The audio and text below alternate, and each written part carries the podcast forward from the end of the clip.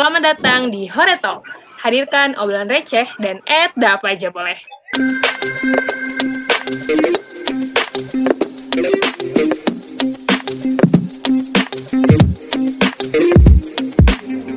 Halo Sobat Hore, di mana pun dan kapan pun kalian mendengarkan ini, semoga selalu dalam kondisi yang baik jiwa dan raganya. Amin. Kenalin, aku Alia dari Film 20, bakal jadi host untuk episode kali ini. Nah, sekarang kita bakal ngobrol bareng Kak Septian dari Film Rescue. Dan kita bakal cari tahu nih pengalaman hidupnya yang menarik kira-kira apa aja untuk dikepoin. Oke, okay, untuk Kak Septian bisa disapa teman-temannya. Halo teman-teman, halo adik-adik. Sadar diri sih agak tua nih. Senior ya. Uh, Kak Septian film film rescue ya? Iya, film rescue. Kemarin tuh aku udah salah, aku lupa. Film rescue itu berarti an antara angkatan berapa sih, Kak? Nah, aku juga lupa, kayaknya antara 9 10 deh. Oh iya, awalan banget. Mm, awal banget ya berarti. Soalnya aku hmm. film itu tingkat dua, jadi emang masih wow jempalitan-jempalitan gitu. Nah, belum tahu banyak tentang film juga ya berarti? Masih awal? Dulu sih Awal-awal banget. Tapi kan sekarang ya karena publisitasnya luar biasa, jadi tahu lah. Oke, Kak Septian gimana kabarnya? Baik. Sekarang sibuk apa aja? Sih. Lagi nggak di Bogor? aku menyalahi peraturan PSBB, tapi sebelum PSBB diberlakukan. Oh, kakak mudik pulang kampung? Iya karena ini berarti lagi di mana kak? Nengok cucu oh. pertama ke dia itu. Oh, aku lagi di Medan. Bukan hari ini. Oh. Biasanya panas. Hmm. Tapi untung ya masih udah sempat udah sempat mudik gitu. Sebelum ya, ditutup semua kan sekarang. Iya betul. gimana gimana Alia? Okay. Alia di Bogor. Uh, aku juga di rumah, rumahku di Balikpapan kak. Oh, Nih jadi di Kalimantan, udah keburu pulang. Ya bagus lah. Soalnya untung untung juga sih kemarin nggak ke, nggak kepikiran bakal selama ini ternyata daripada ngendep di kosan kan udah pulang ya, aja. Sempat, sempat nemuin tuh ITB kosong karena teman-teman udah pada pulang kan, karena ITB udah pada pulang. Uh -uh. Masuk ITB udah ditanyain mau ke mana. Aku bilang mau ke lab, padahal mau ke ATM tuh mau ke ATM center. Oh. Jadi ya. Tapi boleh masuk kan? Boleh. ATM center. Uh, kirain harus pakai surat gitu kan jadi uh, ya udah nggak bisa Oke, okay, jadi ini kita uh, sebenarnya bakal ngobrolin ya peng, uh, mau nanya-nanya pengalaman kakak, entah pengalaman Ramadan juga, karena kan ini podcastnya edisi spesial Ramadan. Terus oh, iya. ya, ya pengen banyak gali-gali insight dari para senior, uh, cerita pengalaman hidupnya gitu. kan kayaknya awalnya itu, uh, awalnya kita tuh pengen itu sih kak, sebenarnya dari kegizian, cuma kan oh. katanya Kak Septian nggak mau nggak mau ngomongin masalah uh, sehat-sehat. Kita tahu deh, kita di gizi ini udah banjir informasi. Orang-orang buat konsultasi gizi, pesertanya anak gizi juga. Apa coba kita nggak mendispersi informasi ke awam? Tadi juga awam kayaknya tahu deh, waktu dua kayaknya udah terlalu over informasi. Tapi mungkin kalau orang umum tuh pengennya lebih spesifik kali ya. Maksudnya kayak bener-bener do and don'ts-nya, makanan ininya apa, bener-bener detailnya kali ya. Padahal kan sebenarnya kita ya kalau prinsip kita kan ya udah penting uh, gizi seimbang gitu.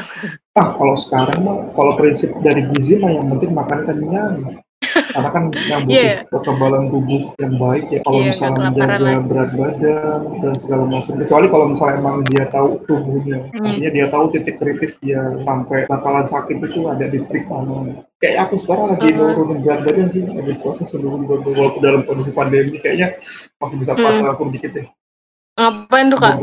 Akhir Ramadan bisa di 73 atau 74 gitu, berarti 10 kilo. Uh. Caranya banyak itu apa kelas Zumba di Oh iya di, di online YouTube ya? kan, ya, yang 34 hmm. 5 menit yang bisa 500 kilokalori kayaknya lumayan.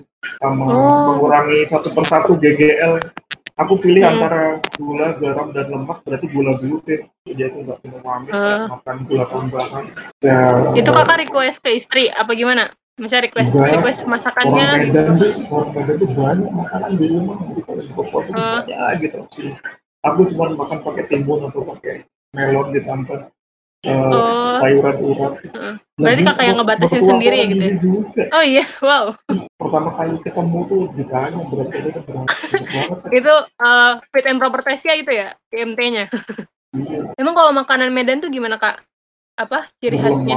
oh. spicy, banyak bumbu. Eh, kayak di Aceh itu sate padang. Oh iya iya. Bumbu-bumbunya nyegrak-nyegrak gitu ya? Iya sama berlemak sih. Belum. Mm -mm. Jarang makanan manis cuman kalau misalnya pas lagi musim Ramadan ini pasti, mm -mm. pasti ada. Hmm, oke. Okay.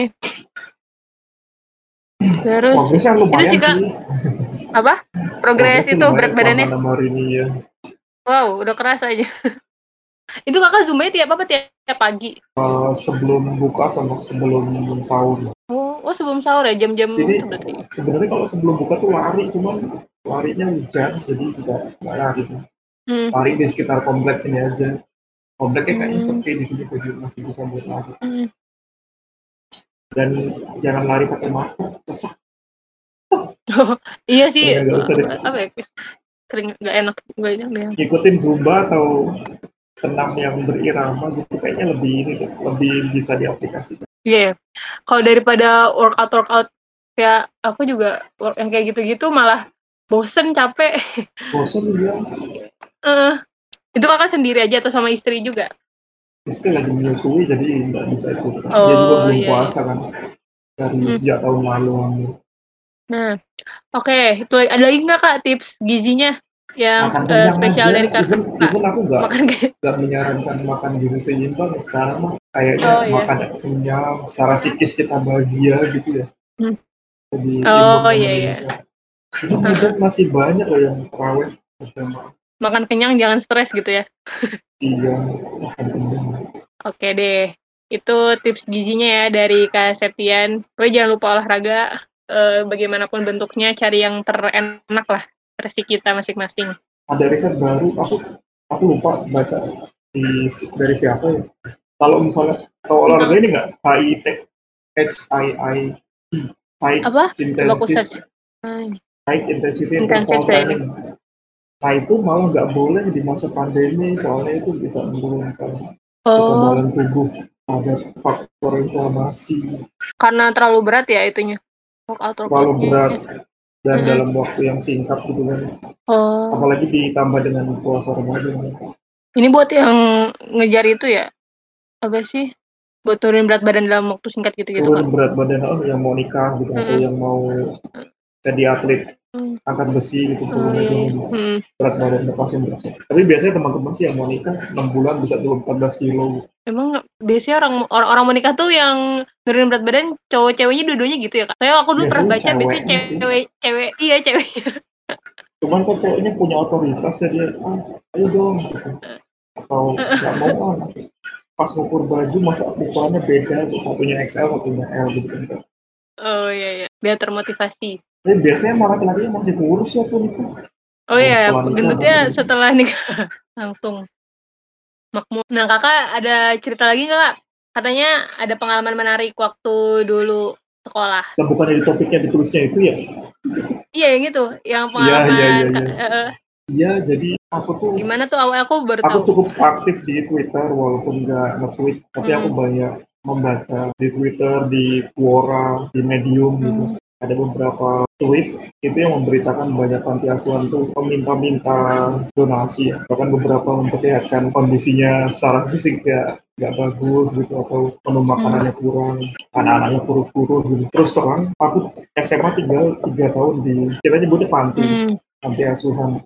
Mm. Sekarang itu namanya, ya aku lupa, pokoknya nggak pakai kata panti asuhan itu program pembinaan mm. remaja apa gitu, PP mm. apalah gitu ya orang mengenal dalam bentuk panti asuhan. Namanya Harapan Bangsa, keren banget itu panti asuhan. Jadi itu panti asuhan cukup beruntung ya. Aku tinggal di panti asuhan cukup beruntung karena panti asuhan di bawah dinas sosial, dinas sosial yang di bawah Kementerian Sosial. Jadi setiap tahun tuh ada budgetnya, jadi ada anggaran dari Kementerian Sosial itu yang emang buat panti asuhan panti asuhan di setiap provinsi. Aku kan di Lampung ya. Di Lampung hmm. itu ada dua panti asuhan yang ngurusin remaja sama anak terlantar. Nah, di tempatku itu salah satunya, walaupun bukan di ibu kota provinsi, di ibu kota kabupaten, cuman dia di bawah dinas provinsi Lampung, dinas sosial provinsi Lampung. Jadi emang ada budgetnya untuk anak per anak dengan kapasitas maksimal. Dulu panti asuhan hmm. itu kapasitasnya 60 orang, 30 orang laki-laki, 30 orang perempuan. Ini biasanya emang over over capacity, uh, perempuannya lebih banyak biasa. Hmm. Panti asuhan Arkan Bangsa di sana anak-anak itu tetap sekolah tapi sekolahnya di luar. Jadi pantinya itu cuma uh,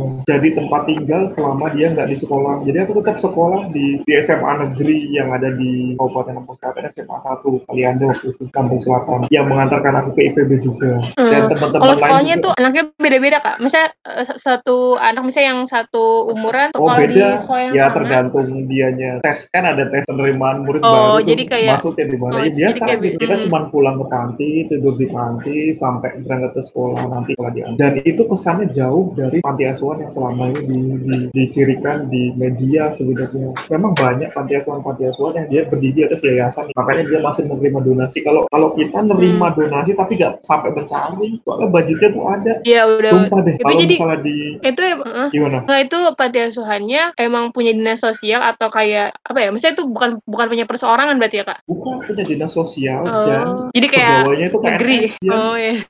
Dan kayaknya jumlahnya nggak sedikit deh di setiap provinsi. Bahkan di Bogor tuh ada di Sindang hmm. Barang. Aku sempat main ke situ soalnya uh, pengasuhku ada yang kenal pengasuh di situ dan suruh main. Hmm, juga Jadi, harapan bangsa. Enggak, enggak, beda, beda. Hmm. Kayak di Sindang Barang aku lupa dulu sih waktu masuk kuliah urusan sekarang sih cuma lewat luar doang. Kayaknya di kalau di Jawa Barat malah di setiap kabupaten tuh ada sekitar dua atau tiga. Ada yang sasarannya remaja dan anak-anak, ada yang sasarannya uh, jompo sama lansia, sama ada yang sasarannya PMKS penyandang masalah kesejahteraan sosial yang kayak nggak punya rumah, terus hmm. uh, korban KDRT gitu-gitu. Nah mereka tuh Jadi, punya panti masing-masing. Hmm. Kalau di tempat kakak itu ada program-program apa aja biasa ya? Maksudnya kayak gimana sih budayanya? Aku belum terlalu kebayang sih. Biasanya ke panti gitu cuma sekali ya udah datang tuh kelar jadi nggak nggak kebayang juga kehidupan sehari-hari itu gimana. Kita sebenarnya aku belum pernah loh ke panti yang didirikan sama yayasan. Mungkin ini beda ya kehidupan uh, sama oh,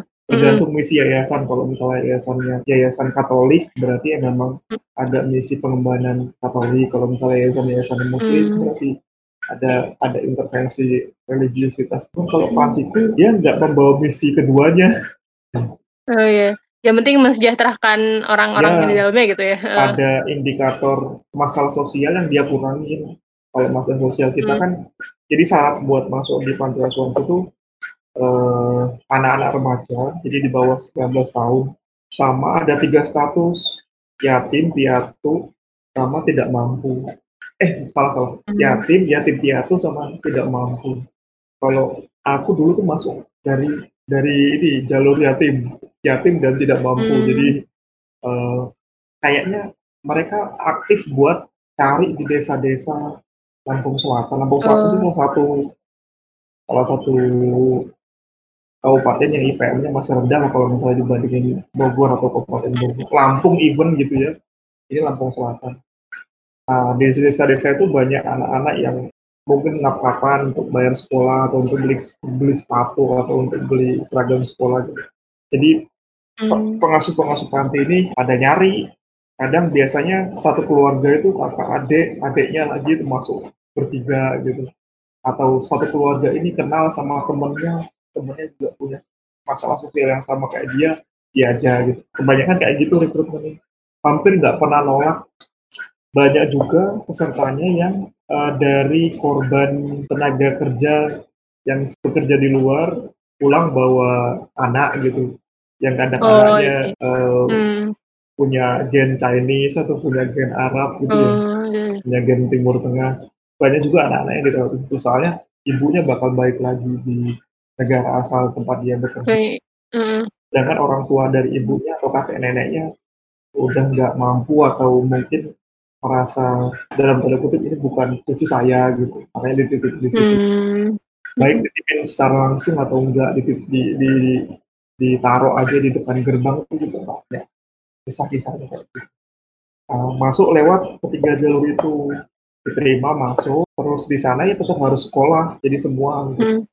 Di, di, untuk memilih sekolah yang mana yang dia mau kalau SMA ya SMA SMK SMK SMP atau MTS SD atau MI gitu hmm. di sekitar Kabupaten Lampung Selatan banyak sih di kali anda sekolah tapi kakak baru mulai dari SMA ya itu karena apa baru ya, tahu SMA. atau baru ditemukan itu Jadi, ditemukan apa apply eh, bukan apply ya masih apa, apa ke sana gitu daftar gitu sih kak? Uh, dulu aku SMP malah nggak di Lampung, aku SMP di Wonosobo, Jawa Tengah. Oh.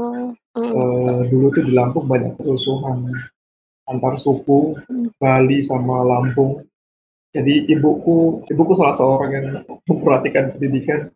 Dulu tuh sekolah tuh banyak libur karena rusuh kan. Terus bilang, Mas kalau misalnya masih di Lampung, ya Mas nggak bisa buat optimal belajar dikirimlah ke Wonosobo ada tempat Pak Bude di sana sekolah di sana terus ada satu dua tiga hal SMP lulus cuman begitu mau masuk SMA eh, ibu tuh sendiri karena ayah kan meninggal. Jadi pulang pulang sampai rumah. Kayaknya sih kali kalau diukur SMA tuh kan dulu kan udah gratis ya zaman tuh udah nggak bayar apa-apa kecuali uang gedung gitu.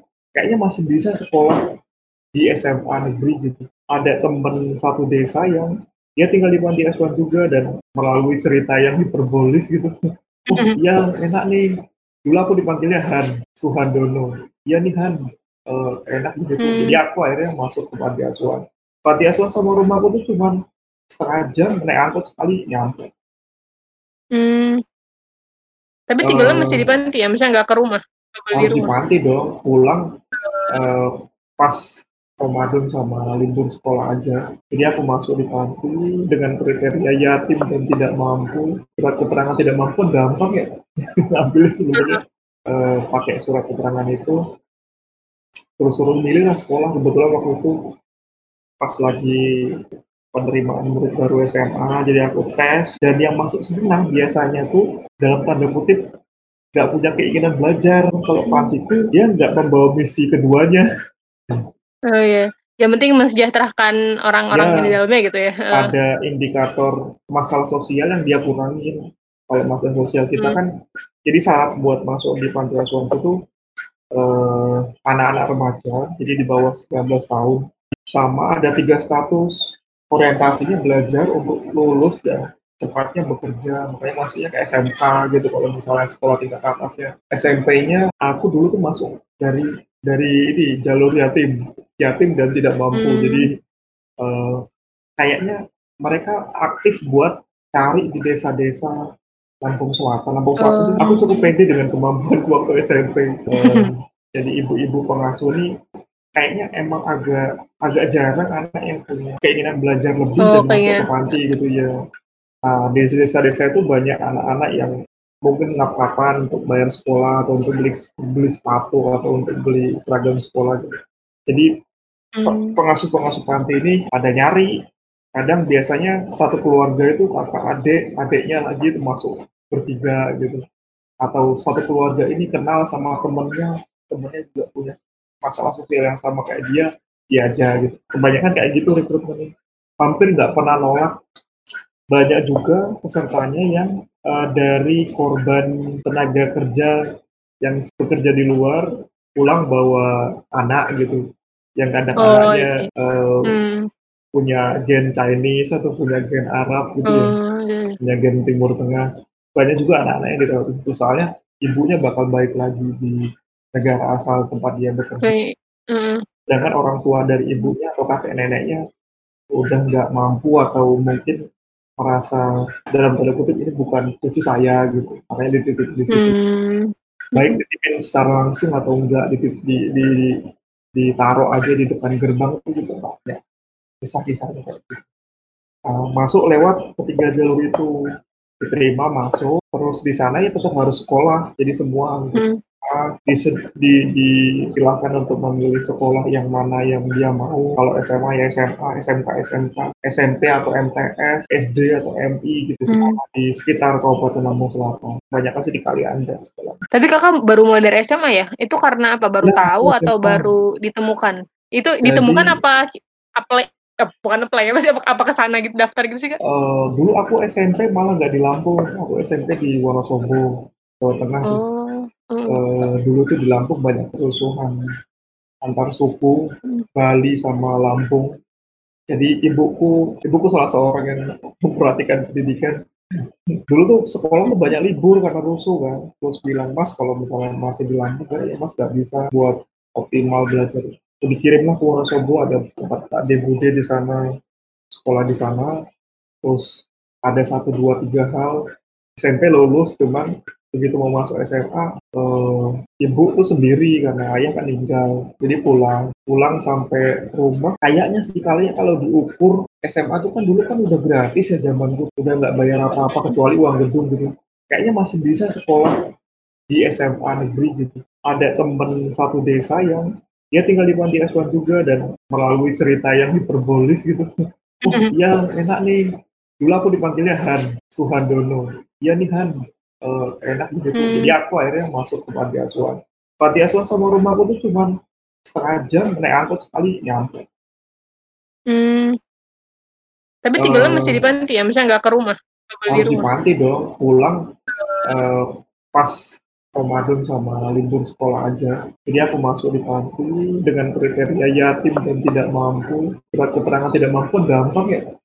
Ambil sebenarnya uh, pakai surat keterangan itu terus suruh milih lah sekolah kebetulan waktu itu pas lagi penerimaan murid baru SMA jadi aku tes dan yang masuk senang biasanya tuh dalam tanda kutip nggak punya keinginan belajar itu biasanya teman-teman itu uh, sama orang tuanya lebih dorong buat jadi membantu mereka untuk cari uang misalnya ke desa hmm.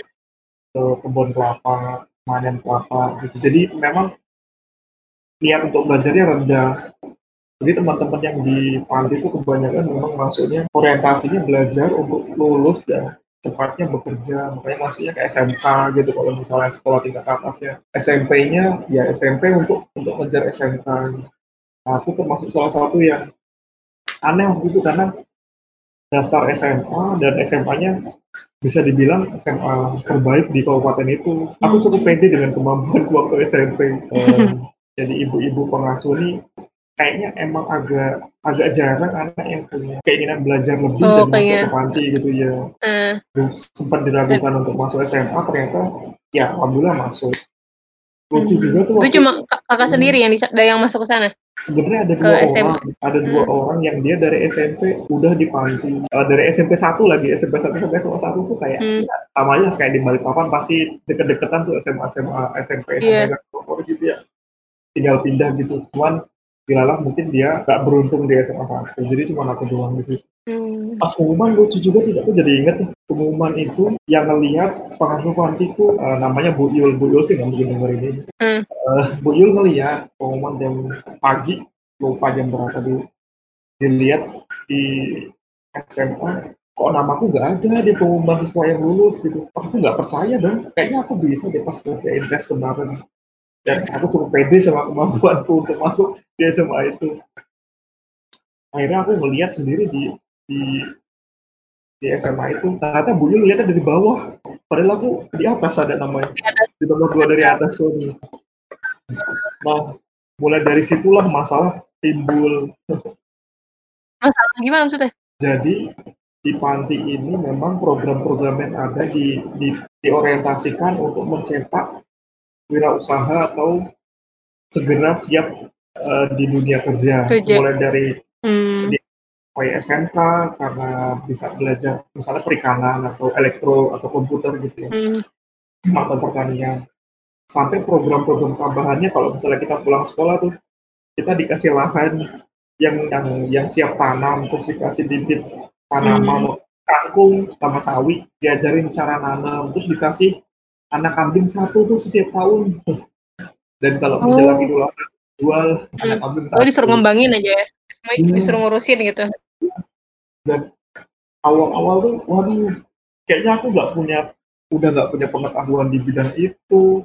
Terus juga kayaknya dulu aku masih kecil badannya gitu, jadi secara fisik juga nggak punya kapasitas dan kapabilitas untuk melakukan itu. Macul kan, terus hmm. nyiramin uh, kangkung. Jadi pokoknya poin tuh di situ jelek deh kangkung pada mati hmm. kambing mati sawit sendiri, sendiri kak bulat Hah? Di, dikasih sendiri sendiri Iya ngurus sendiri satu anak satu kambing. Oh.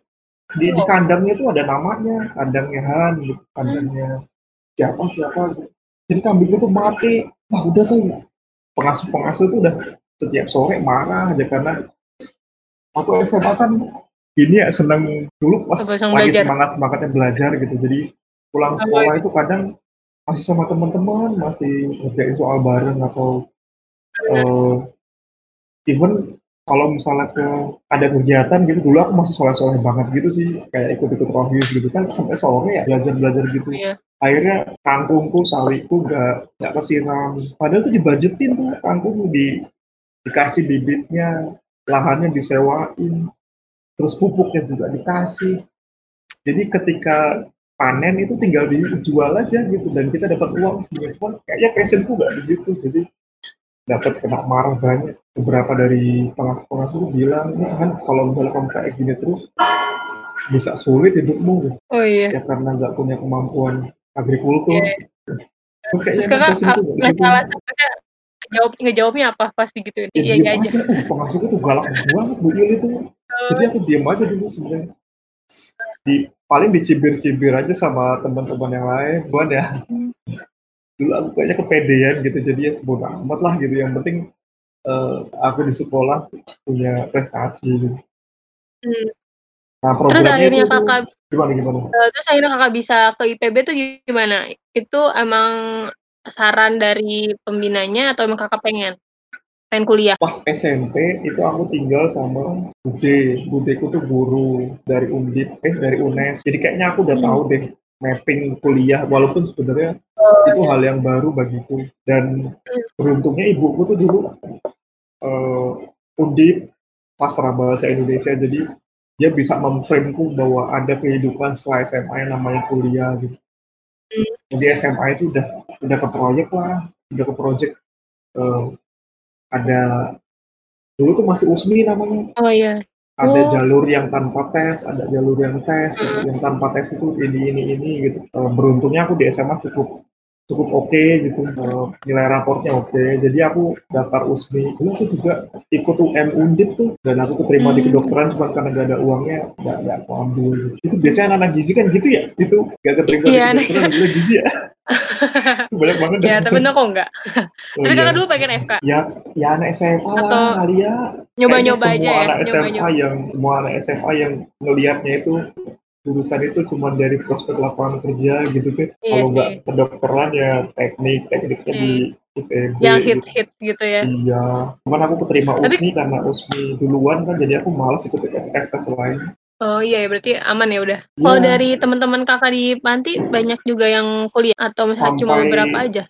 Di zamanku sih memang masih jarang cuman aku sampai sekarang masih masih sering ke panti nih masih sering cerita hmm. sama adik-adik akhirnya sekarang banyak juga yang kuliah ada yang di Unila ada yang di hmm. di Laku Universitas Lampung ada yang di ITERA ya cukup inilah cukup cukup kelihatan progresnya oh, iya. ada sekarang pasti udah banyak yang semangat yang bukan karena aku sih karena mereka sendiri juga yang hmm. di panti itu kalau emang niatnya sungguh-sungguh sih harusnya bisa memanfaatkan. Bayangkan kayaknya di panti itu sama menu makanku kalau misalnya di Bogor sehari-hari ya. Kayaknya mm-hmm. kalau di, di diukur dari organoleptik kayaknya lebih enak di panti itu. Pagi itu dibuatin nasi goreng seafood, siang itu sop oh, iya. ayam ya. Malam itu dibuatin nggak? Nggak suruh masak iya. sendiri? Enggak, ada ada dapurnya. Paling kita tuh piket, wow. ada piket. Uh -huh. piketnya juga digilir hari ini piketnya piket halaman, besok piket kamar mandi, besok piket musola, besok piket dapur. Jadi kalau misalnya piket dapur yang laki-laki itu cuma punya tugas buat ngangkatin galon gitu-gitu. juru masaknya ada sendiri dan juru masaknya uh. kamu harus tahu deh juru masaknya itu dulu diploma gizi loh hmm emang khusus jangan-jangan dihitung semua tuh kebutuhan kalori anak-anaknya bikin perencanaan menu memang nggak sampai kalori cuman kayaknya kalau kalau rencangan menunya ya? Paling enggak secara menu dia komprehensif lah. Pagi itu ada proteinnya hmm. sedikit, siang itu uh, sayurannya agak banyak, gitu kok udah dihitung. Jadi tuh luar biasa deh. Hmm. Terus Tapi kalau siang kan lagi di sekolah kak? Oh pulang sekolah lah. Oh. Bahkan dulu kalau misalnya kelas 3 SMA itu lagi ada les, makanannya itu dianterin. Wih mantep, eksklusif banget ya pantinya. Dulu itu an antar jemput sekolahnya pakai mobil direkturnya kan, mobil direkturnya tuh uh. zaman itu sih uh, uh, Innova itu Toyota Kijang Innova itu jadi salah satu kendaraan mewah gitu. Jadi dianterin pakai yeah, Kijang yeah. Innova coba. Teman-teman itu yang mungkin secara level ekonomi lebih tinggi dari aku di sekolah itu cuma naik ojek atau dulu zamanku belum pernah belum belum boleh naik motor sendiri tuh jadi yeah. mereka naik ojek atau sekarang yang dianterin gue keluar dari Toyota Kijang Innova tiap bulan itu punya jatah sabun mandi gratis bukan gratis sabun hmm. mandi terus uh, kaos kaki itu kaos kaki biasanya tiap bulan ganti setiap tahun pelajaran hmm. baru tuh bagi seragam emang budgetnya tuh ada kayaknya kalau misalnya hmm. mereka nggak mengkonversi budget itu ke dalam bentuk barang mereka yang salah kan dinas sosial itu salah satu dinas yang cara pelaporan keuangan rawan banget untuk dipotong atau di hmm, markup iya, iya, iya. makanya mereka mm -mm. harus keluarkan itu. Mm -mm. Berarti kalau gitu jarang ada itu dong kak, misalnya kayak bantuan dari orang luar karena udah terpenuhi dari dinas sosialnya atau nah, tetap ada yang ternyata walaupun kesan. di dalamnya kondisinya kayak gitu kesannya panti asuhan di mana-mana yang kekurangan tetap, tetap, tetap hmm. ada yang ngasih bantuan kita nggak hmm. nolak ya orang ngasih bantuan iya, iya. lawang kita juga sebenarnya kan layak untuk jadi uh -uh. Uh, apa namanya muzaki ya? Iya. Kita tergoleng uh, ekonomi lemah terus beberapa di antara teman-teman tuh yatim piatu atau piatu gitu. Jadi emang layak apalagi bulan Ramadan. Bulan Ramadan itu pulang ke rumah aku bisa bawa sekitar satu juta sampai satu juta setengah deh. Setiap hmm. hari itu dapat seratus ribu seratus lima puluh ribu. Orang datang buat infak gitu dibagiin ke anak-anaknya. Jadi emang banyak. Hmm. Ya alhamdulillah ya. Tapi anak-anaknya eh, nggak ada yang jadi kayak terlalu keenakan gitu kan Kak? Misalnya kayak jadi jadinya apa ya? Jadi takutnya bukan memanfaatkan sih. Misalnya ada nggak sih yang jadi ngaruh uh, jadi ngaruh ke kepribadiannya dia gitu. Jadi kayak itu maunya enaknya aja gitu. Enaknya aja. Itu baru enak-enaknya aja. Tapi kita juga punya banyak kisah sedih sebenarnya. Iya, iya struggling gitu-gitu. Zamanku sih memang belum 2000 berarti di itu 2006 sampai 2009 ya belum terlalu booming handphone. Hmm. Dulu kan emang masih jarang ya orang punya yeah. handphone atau apalagi anak-anak remaja punya handphone gitu. Nah itu kita kan nggak boleh bawa handphone. Tapi yang di area kelas tiga aku bawa tuh kayaknya. Soalnya emang hmm. kayak punya uang tabungan terus pengen beli handphone dari prinsip. Itu nggak boleh. Terus setiap pagi itu kita bangun jam setengah empat, sholat subuh hmm. untuk anak-anak yang masih kecil-kecil itu adik-adik itu banyak yang masih yang belum pada sekolah gitu atau yang baru kelas 1, kelas 2 SD gitu. Itu luar biasa berat sih sebenarnya.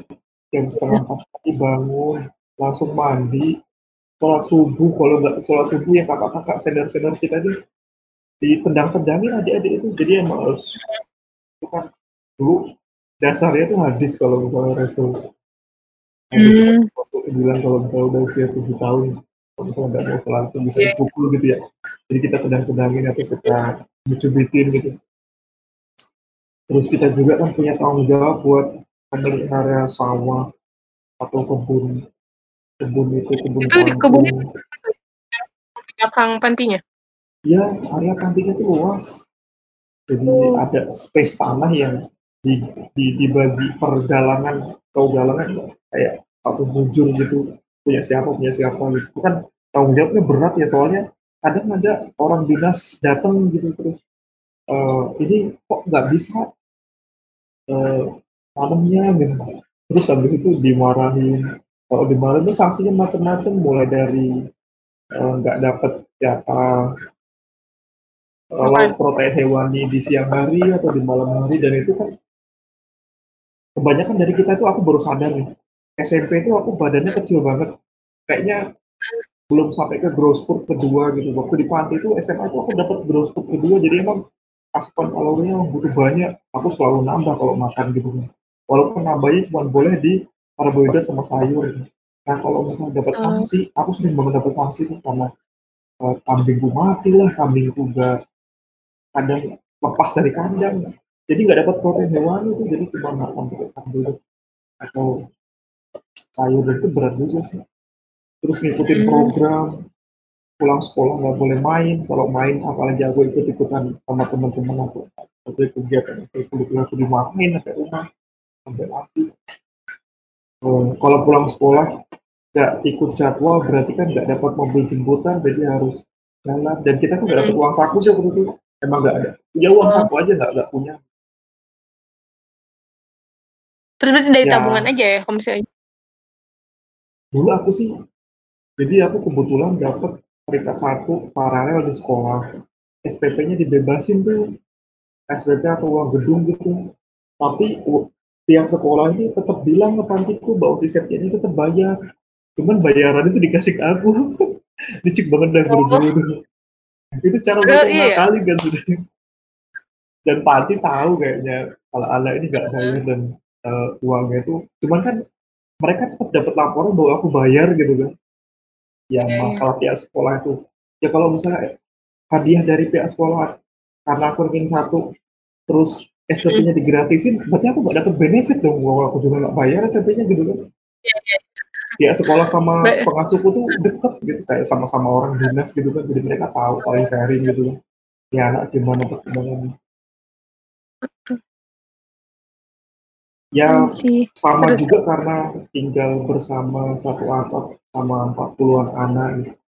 Jadi macam-macam lah mulai dari uang hilang. Karena itu kebanyakan teman-teman itu dalam tanda kutip itu anak-anak nakal sebenarnya. Di rumah itu kan ini apa mungkin mereka nggak punya ayah ibu jadi nggak punya perhatian nggak nggak pernah ada yang ngingetin kalau misalnya ini salah ini salah gitu terus kadang kita juga uh, udah dikasih jatah makanan tapi harus butuh makanan lain gitu sehingga harus uh, dulu tuh di belakang panti tuh banyak pohon rambutan atau pohon mangga membabat pohon rambutan atau pohon mangga. Semacam lah ceritanya tapi yang jelas pengasuhnya berapa pengasuhnya tujuh. Belum sampai oh. pengasuh administrasi ya. Itu pengasuh yang standby di situ. Ada yang pengasuh hmm. fungsinya buat uh, ngajarin religi, ada yang pengasuh emang buat uh, jadi kepala dapur gitu-gitu sih. Tapi galak-galak semua karena emang biasa mereka ada kena anak nakal. Iya, iya. Sengaja kali ya. Cuman pengasuhnya nggak nyari-nyari uang, nggak buka donasi via kita bisa dan segala hmm. macam sih karena memang udah ada budget ya. Kalau mereka Pulang tapi emang terus pengasuhnya stay di situ Ya. terus? Tergantung tergantung ya, Stay di situ, ya Hmm. kita libur mereka libur. Dari dinas sosialnya berarti ya di kerja ini? Ya, mereka PNS-PNS tuh. Hmm. Ada pengasuh juga yang alumni panti asuhan. Jadi memang di situ tuh di dipekerjakan di situ kita memang ini panti asuhannya sebenarnya menerima semua agama cuman memang karena kebetulan kita tuh muslim semua jadi memang aspek penekanannya di ajaran-ajaran agama Islam. Tapi kalau misalnya ada teman-teman Kristen memang yatim dia yatim piatu yatim hmm. atau kurang mampu masuk kayaknya diterima deh. Harusnya diterima karena asasnya kan asas Pancasila. Kalau di situ ada itu nggak suka sistem adopsi? Kan biasanya di panti ada ada yang ada adopsi gitu-gitu. Ada, cuman jarang. Uh, adopsi itu aku aku nggak tahu ya di panti-panti lain itu gimana mekanismenya. Hmm. Itu ribet loh. Pertama si anak ini harus dicari keluarga aslinya karena perlu surat keterangan dari keluarga asli yang tersisa surat oh. keterangan dan kadang-kadang teman-teman itu pada nggak tahu mm. itu, itu yang sedih-sedih tuh yang kalau misalnya lebaran atau liburan nggak pulang itu karena dia udah nggak punya lagi. Udah nggak punya mm. lagi kampung udah nggak punya lagi keluarga yang bisa dia datengin. Kalau misalnya nggak ada keluarga yang mau ngasih surat pernyataan bahwa dia anak lahir tanggal segini dari orang tua itu itu nggak bisa diadopsi. Dan zamanku di sana sih nggak ada yang ngadopsi soalnya kayaknya nih kayaknya Eh, Lampung Selatan itu kan masih wilayah rural ya, belum wilayah perkotaan, hmm. belum banyak orang tua yang yeah. Iya. punya keinginan untuk memberikan space di keluarganya untuk dari panti itu. Gak, kalau dari panti lain aku nggak tahu ya. Mungkin ada, cuman di pantiku sih nggak banyak yang diatur. Dan dan emang sejauh ini sih begitu lulus dari panti, teman-teman ini bisa mandiri entah kerja di Cilegon, entah dagang di pasar. Gitu. Jadi memang treatment adopsi nggak jadi salah satu opsi untuk meningkatkan derajat sosial dari anak-anak. Hmm. Karena di sana juga udah di apa ya udah diurus banget lah ya dari pendidikan dan yang lainnya juga lengkap ya kalau mau diurus kalau kalau membantu-bantu ya ya hmm. sekarang itu malah ya sekarang udah ini ya HP itu jadi salah satu itu juga yang dikeluhin pengurus-pengurus tuh anak-anak tuh pasti punya handphone dan kita kan nggak bisa melihat 24 jam si anak ini ngasih apa jadi handphone gitu kalau dulu masih internet perlu ke warnet atau perlu ke komputer kantor di sini kan ada kantor juga ada internet juga gitu sekarang kan handphone bisa diakses di bawah tempat tidurnya mereka dan pengasuh nggak tahu walaupun nggak boleh gitu jadi memang intervensi hmm. uh, si handphone ini sekarang lebih ke arah merusak sih kalau menurutku. Oh, tapi aslinya lar dilarang kan? Cuma ada yang diem-diem gitu. Iya. Oh, dari pesantren ya. Cuma kayaknya dilarang ya jadi sama kayak di pesantren juga kan pasti anak-anak itu pasti punya akses untuk gimana ya, disembunyi-sembunyi. Iya. anak-anak kalau lebih pintar lah itu. Ya seru-seru. Kakak terakhir ke sana kapan kak? Kalau lagi pulang? Uh, anak usia enam bulan. Jadi dulu sempat istriku tuh uret karena uh -uh. pertama jadinya nggak berhasil punya detak jantung. Terus datang ke panti minta doa adik-adik terus hamil hamil buat syukuran terus hmm. tujuh bulan atau berapa bulan itu lagi buat syukuran karena kalau misalnya pulang ke Lampung kan sekalian pulang ke rumah ibuku kan sekalian ke panti hmm. juga terus anak pulang hmm. buat juga kemarin jadi masih sering baik masih baik sama teman yang dulu mungkin ya kita sempat bersih tegang gitu. karena kita udah gede-gede nih udah gede-gede yeah. banyak lah pengasuhnya masih sama orang-orangnya sama karena mereka kan di di ini ya di bayat buat mengabdi oh. seumur hidup sebenarnya jadi mereka nggak ada rotasi tuh kalau nggak hmm. meninggal atau eh, hmm. Ada keharusan yang banget sih tetap akan di situ hmm. dan pengasuh-pengasuh itu kan emang tinggal tinggal di situ kan. Hmm. 24 jam ada di situ. Keren. Oke, ada lagi kak yang mau ceritain cerita kisah di pantinya? Aku udah mulai kebayang-kebayang, oh ternyata gitu ya kehidupan ya, di panti segiris yang dipikirin. Ya, itu kayak gitu. Kalau misalnya di yayasan yang mereka punya sumber dana sendiri, aku nggak tahu ya mungkin memang hmm. kesusahan gitu karena beberapa panti ada juga tuh di Kalianda panti asuhan yang berdiri di atas yayasan cuman mereka sifatnya lebih ke pondok pesantren deh hmm. jadi oh. sekolah di situ kan sekaligus sekolah hmm. Kalau di kita sih memang di, diwajibkan sekolah di luar dan uh, tetap mengikuti jalur pendidikan di luar harusnya sih sistem perlindungan sosial yang ada di di panti asuhan ini udah ideal sih untuk bisa meningkatkan derajat sosial si anak. Iya. Jadi masih bisa ngerasain di luar juga gitu ya, nggak di situ-situ ya, aja. Ya kan dulu tuh ada les bahasa Inggris loh, ada les bahasa hmm. Inggris. Kalau anak-anak itu mau masuk sekolah, anak-anak yang dari TK kan banyak juga tuh teman adik-adikku yang masih kecil dan mau masuk SD itu dikasih les berhitung pakai sempoa. Bayangkan hmm. loh, kayak orang luar tuh nggak banyak punya kesempatan itu deh. Dan yeah. karena kondisi itu aku fokus belajarnya, uh, fokus belajar. Jadi dan kita nggak kena dunia luar kan. Nonton yeah, TV yeah. itu cuma boleh malam minggu gitu.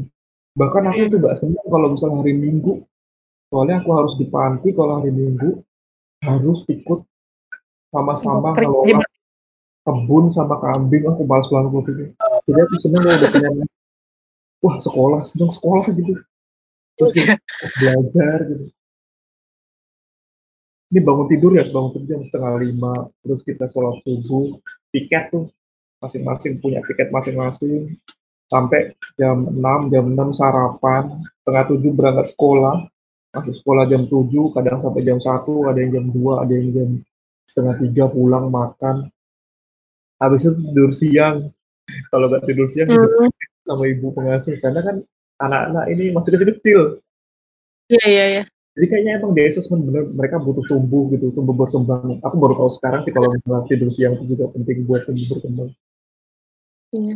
Siang sampai asar, asar, sholat asar, terus olahraga.